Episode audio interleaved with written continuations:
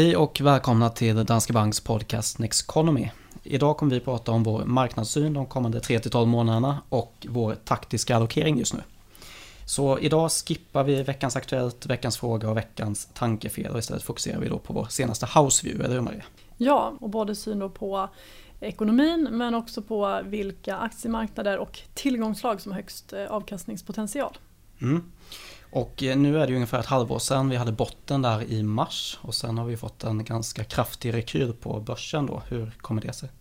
Det beror på flera saker. Eh, det ena är ju fortfarande att marknaden väntar sig att krisen visserligen Eh, är djup men också att den är förhållandevis kortvarig.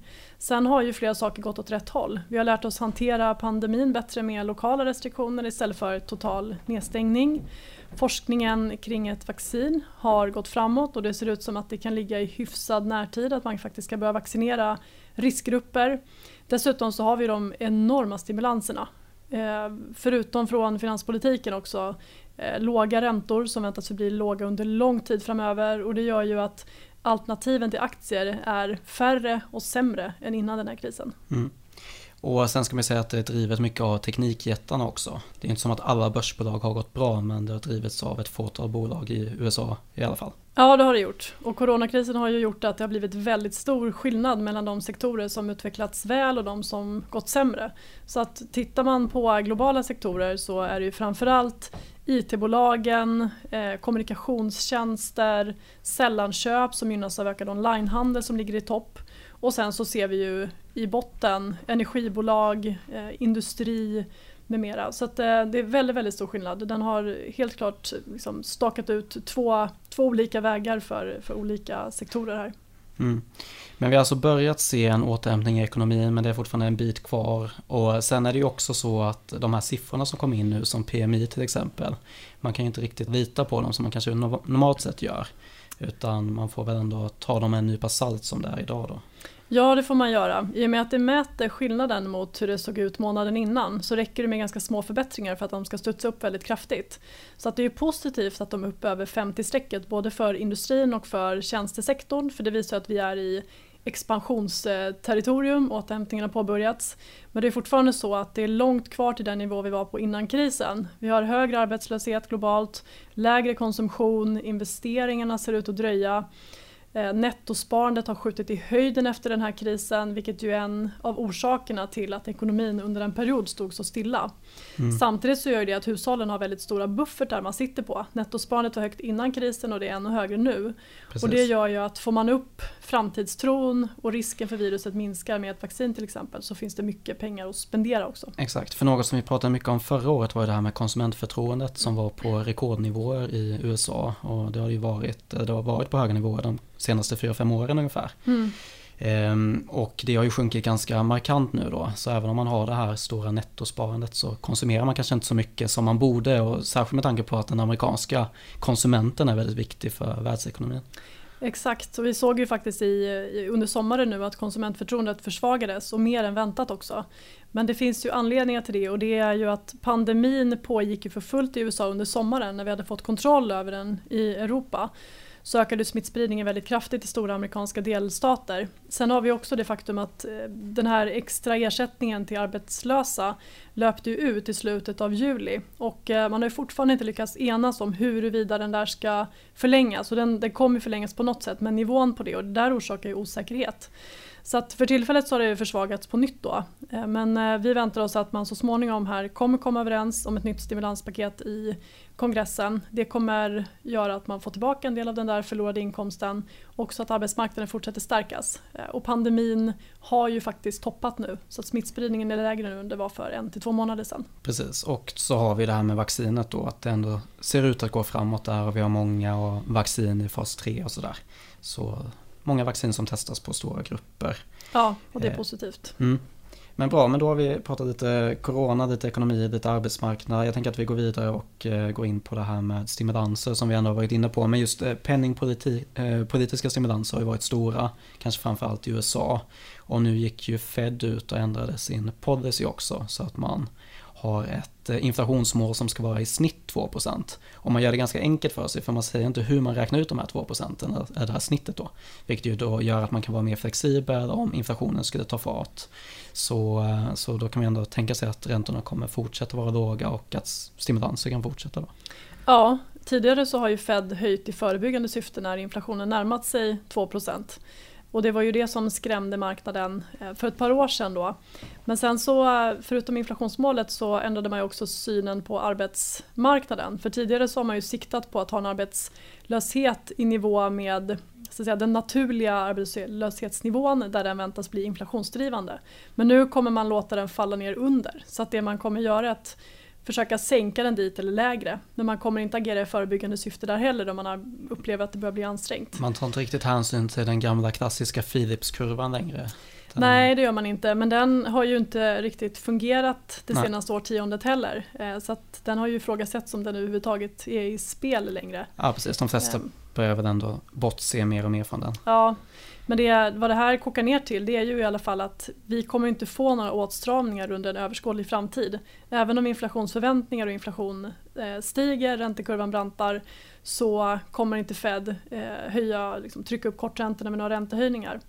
Så det, här, det här innebär stora stimulanser under lång tid och på liknande sätt ser det också ut eh, för europeisk del och för den delen för svensk del. Sen är ju inflationen fortfarande låg efter krisen. Även inflationsförväntningarna ligger lågt så det ligger ju snarare till hands att man kanske går ner till minusränta igen. Eh, mm. Nu har inte vi prognosen att Riksbanken ska sänka till minusränta för tillfället. Precis. Men Per Jansson sa senast idag att det inte var uteslutet. Nej, och det där är en intressant sak också med tanke på att eh, USA har gjort det här för, eller den här förändringen då i policy. Skulle andra centralbanker kunna följa efter det? Jag tänker på Riksbanken till exempel. Ja det är väl inte omöjligt att man kan se över det. Eh, och eh, om man lyssnar på vad de säger när de är ute och pratar så är det ju väldigt tydligt att de inte skulle ha något problem med att se inflationen skjuta över målet på 2% även om man inte har formulerat det skriftligt som ett nytt mål. Eh, så det tror jag absolut är någonting som man kan ha överseende med framöver utan att man skulle behöva höja räntan för det skull. Mm. Bra, vi har haft en rapportsäsong ganska nyligen och eh, den här coronakrisen har ju såklart slagit ganska hårt på bolagsvinsterna under året. Men eh, vinsterna kom ändå in bättre än väntat. Mm. Och tittar man på hur vinsterna såg ut i årstakt så har jag lite färsk statistik nu när vi har kommit igenom det här. Minus 33 procent i årstakt i USA under andra kvartalet och eh, för nordisk del så var det en minus 26 procent. Så att det här är ju stora vinstras men trots det då så slog ju estimaten eh, så slog vinsterna estimaten med rekordhög marginal. Så det var mm. över 20% bättre. Man både ju, för svensk och, och eh, amerikansk del. Man kan ju se det också att många bolag ändå visade ja, men, minskad omsättning men ändå bättre marginaler. Och ofta så är det ju så att det är enklare att skära kostnader än att öka omsättningen. Och nu blir det ju ännu enklare då med tanke på alla stöden som de har fått. Ja. Så ja, och man kan ju fundera på varför det blev så otroligt mycket bättre än, än väntat och det är ju en anledning. Men sen så tror jag också att det har ju varit väldigt svårt att göra prognoser mot bakgrund av att osäkerheten varit så hög. Sen är det många bolag som har slopat prognoserna helt vilket ju gör det ännu mer komplicerat. Och så brukar det ofta se ut så här i en vändning i ekonomin att när vi har nått botten och det börjar bli bättre så är det ofta så att analytikerna är för negativa in i den återhämtningen. Och det har man varit även nu och den här krisen har ju gått väldigt fort både neråt och uppåt. Eh, och styrkan i vändningen tror jag överraskat. Dels på makrosidan men också på eh, bolagssidan. Och sen har ju bolagen varit extremt snabba med att kapa kostnader. Av ren rädsla för hur djup krisen skulle bli. Och man har fått stora statliga stöd. Ett bolag Exakt. som Volvo som fått en och en halv miljard under andra kvartalet. Det är klart att det gör en jätteskillnad. Mm. Och eh, någonting som det här påverkar då är ju värderingarna. För jag menar även då om eh, vinsterna slog estimaten nu så hade vi ändå en väldigt, ett väldigt kraftigt fall i vinsterna year over year. Och eh, grejen är den att man pratar mycket om höga värderingar redan i ingången av 2020. För vi hade 2019 då med en ren multipelexpansion. Mm. Vi hade alltså stigande aktiekurser men inte stigande vinster globalt. Och då kommer ju det här upp igen då med, med värderingarna. För jag menar nu har vi ändå sett vinsterna rasa och ändå så är vi tillbaka på samma nivåer som vi vid början på året. Och det har ju också lite att göra med den här vändningen vi ser där aktiekurserna hämtat sig tillbaka på samma nivå som innan krisen eh, medan vinsterna inte alls är där. Men börsen handlar ju inte så mycket på det som händer just nu utan man blickar ju framåt och tittar man in i 2021 så väntas ju vinsterna globalt växa med 30%. Sen är det väldigt högt ställda förväntningar även om man får betänka att den siffran är relaterad till att det här årets vinster faller då. Um, men det är, det är helt klart så att börsen eh, mätt ur P tal ser högt värderad ut. Men mm. skulle mm. vinsterna hämta sig så kommer det inte se lika illa ut. Precis. Sen finns det också andra mått. Price to book till exempel om man tittar på priset i förhållande till bokfört värde har inte alls stuckit iväg på det sättet. Eh, och sen så har vi tittat på ytterligare ett mått. Precis, för jag tänkte på det att eh, man pratar ju ofta om räntorna som en motivering till varför man kan ha höga värderingar i form av P tal och sådär på mm. börsen. Och eh, något sätt att titta på det här då, alltså vad det får för effekter, all den här ja, men allt det här kapitalet som kommer ut på marknaden via stimulanser och så. Och det är ju just det här nyckeltalet då. Att man kollar på hur mycket kapital finns i systemet och jämför det med börsvärde istället. Ja, och vi har kollat på det för USA då. Och där är det ju så att Fed har ju tryckt ut likviditet på marknaden. Man har gjort mycket större obligationsköp den här gången än vad man gjorde under finanskrisen. Ehm, så att även om då marknadsvärdet på börsen har stigit så har penningmängden ökat ännu mer. Och vad händer med det här kapitalet som kommer från centralbankerna då? Jo, det sipprar ju ut i marknaden och letar avkastning så att det blir ju köptryck på alla typer av risktillgångar som aktier, högriskobligationer med mera. Med mera. Um, så att så länge det är så att penningmängden fortsätter öka snabbare och den, den ökat mer än, än börsvärdet så kan man vänta sig att det kommer finnas ett fortsatt liksom, likviditetstryck mm. i marknaden som kommer hålla börsen under armarna. Precis, och det är just då marknadsvärdet på aktier i förhållande till penningmängden som man ändå kan se, alltså den värderingen har ju då sjunkit. Mm. Så jag menar, om man kollar på det så finns det ju kanske mer att hämta. Mm. Och eh, det tror ju vi också, att börsen har mer att ge. Ja det tror vi och vi ser ju den här värderingsbilden som sagt är nyanserad beroende på hur man tittar på den. Så att värderingar ser inte vi som något, något problem egentligen. Um, utan vi ser ju fortsatt potential uh, i aktiemarknaden. Och sen så kan man väl säga så att som vi var inne på tidigare så har ju coronakrisen stakat ut väldigt sk stora skillnader mellan liksom mer defensiva bolag och bolag som gynnas av strukturella trender som digitalisering och mer cykliska bolag som har lidit svårt under den här krisen och som inte har hängt med i uppgången. Så att det vi ser framför oss är ju att i takt med att konjunkturen fortsätter återhämta sig, vilket vi väntar oss att den gör, så kommer det börja gynna andra typer av bolag som fortfarande inte har hämtat in det här tappet från i våras. Och det gör att det fortfarande finns uppsida på börsen trots att den på översta raden är tillbaka på den mm. nivå vi var innan krisen.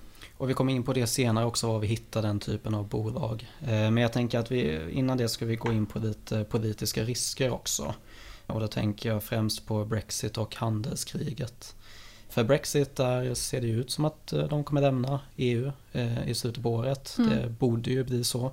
Och då är ju risken då att det blir en hård Brexit, det är det man vill försöka undvika. Och den bedömer vi har ökat till följd av att förhandlingarna inte har gått framåt. Och nu är vi ändå en bit in på hösten. Eh, sen är vårt, fortfarande vårt huvudscenario ska sägas att man kommer lämna med ett, eh, ett enklare handelsavtal som kommer omfatta varor men inte tjänster. Då. Eh, men det finns fortfarande stora stötestenar här och ehm, Storbritannien har ju uppenbarligen inte velat förlänga den här övergångsperioden som man också hade kunnat välja att göra. Så det gjorde man inte. Så att någonting kommer hända vid årsskiftet. Antingen att man lämnar med någon typ av handelsavtal, vi tror att det blir ett enklare sånt. Eh, eller så blir det en hård Brexit, det vill säga man börjar lyda under WTO-regler och då kommer det bli betydligt mer administration och högre kostnader för företag som gör affärer med brittiska bolag. Mm. Och där har ju Sverige, eller Storbritannien en stor marknad för Sverige också. Så ja, både på import och exportsidan är det. Så det, det kommer vara eh, det, här, det kommer ju få effekter oavsett vilken typ av Brexit vi får. Mm. Eh, men en hård Brexit är ju det sämsta alternativet. Precis, och när vi ändå är inne på det med handel så kan vi gå in på handelskriget också. Eh, för där har ju Trump, nu har han väl gått tillbaka lite, alltså han är inte lika hård mot eh, Kina för tillfället i alla fall. Nej det är han inte och framför allt så är han ju inte på och pratar om tullhöjningar på breda grupper av varor. Utan det han gör nu är ju att han är inne och pratar om att eh, reglera enskilda bolag och sätta vissa kinesiska bolag på watchlist och sådär. Um, och det är klart att det är inte bra men det är ju inget hot mot världskonjunkturen på samma sätt som det är om man, om man börjar tullbelägga massor med kinesiska varor. Så att det här är inte positivt och det ligger där och mullrar i bakgrunden men det är ingenting som vi ser som ett hot mot varken konjunktur eller börsutveckling. Däremot så kan enskilda bolag eller kanske enskilda sektorer till viss del också komma att påverkas av det. Då. Ehm, men sen så kan det ju vara så att tonläget på handelsfronten trappas upp inför presidentvalet. Därför att Trump vill plocka poäng mot Biden, eh, visa sig liksom herre på täppan eh, och att han återigen hävdar USAs rätt eh, framför andra ekonomier som man tycker har skott sig på den amerikanska ekonomin. Mm. Det är också en bra övergång för innan vi går in på vår allokering, alltså hur vi tycker att man ska positionera sig just nu, så ska vi prata presidentvalet också. I USA är det presidentval den 3 november. Mm. Och eh, då får vi se, just nu ser det ut att vara fördel för Biden. Ja, sen har ju Trumps eh, odds läst senaste dagarna att de har ökat eh, lite faktiskt. Och sen i val, valtermer eller valperspektiv så är ju två månader fortfarande ganska länge faktiskt. För vi har sett att opinionen svänger ju väldigt fort nu för tiden. Men som det ser ut så skulle det vara Biden som vinner eh, om det var val idag. Och det skulle ju medföra en viss minskad osäkerhet vad gäller handelspolitiken. Kanske mer diplomati än vad vi haft under Trump som har ägnat sig mer åt eh, hot. Mm.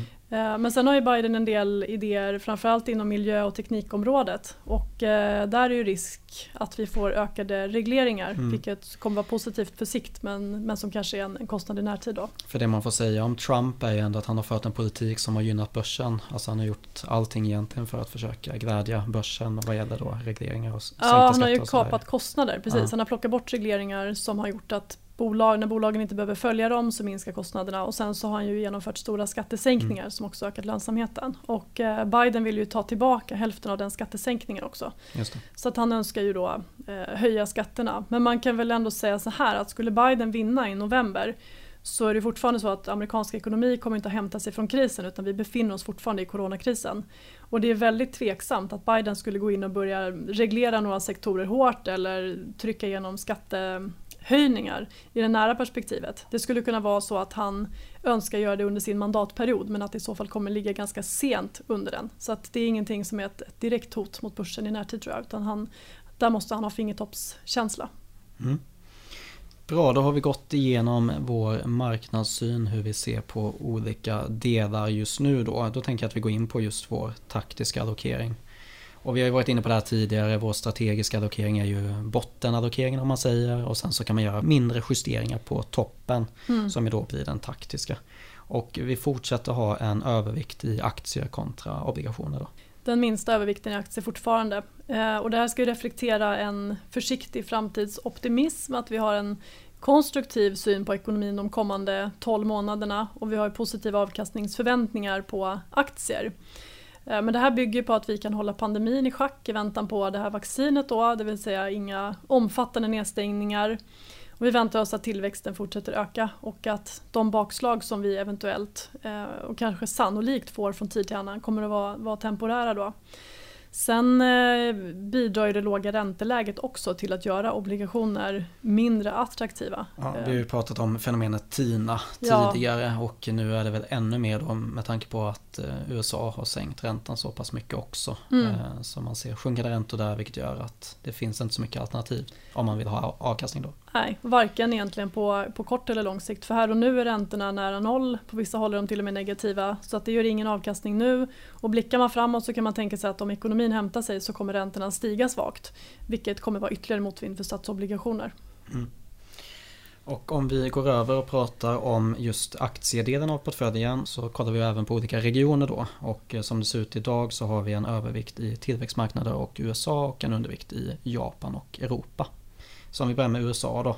Du var inne på det lite tidigare just med vilken typ av exponering vi vill få i det marknadsläget vi är just nu och då tycker vi att USA är en intressantare marknad. Ja, eh, om man tittar på sektorkompositionen i USA så utgör ju konsument och eh, de här digitala bolagen en relativt stor del av den amerikanska marknaden.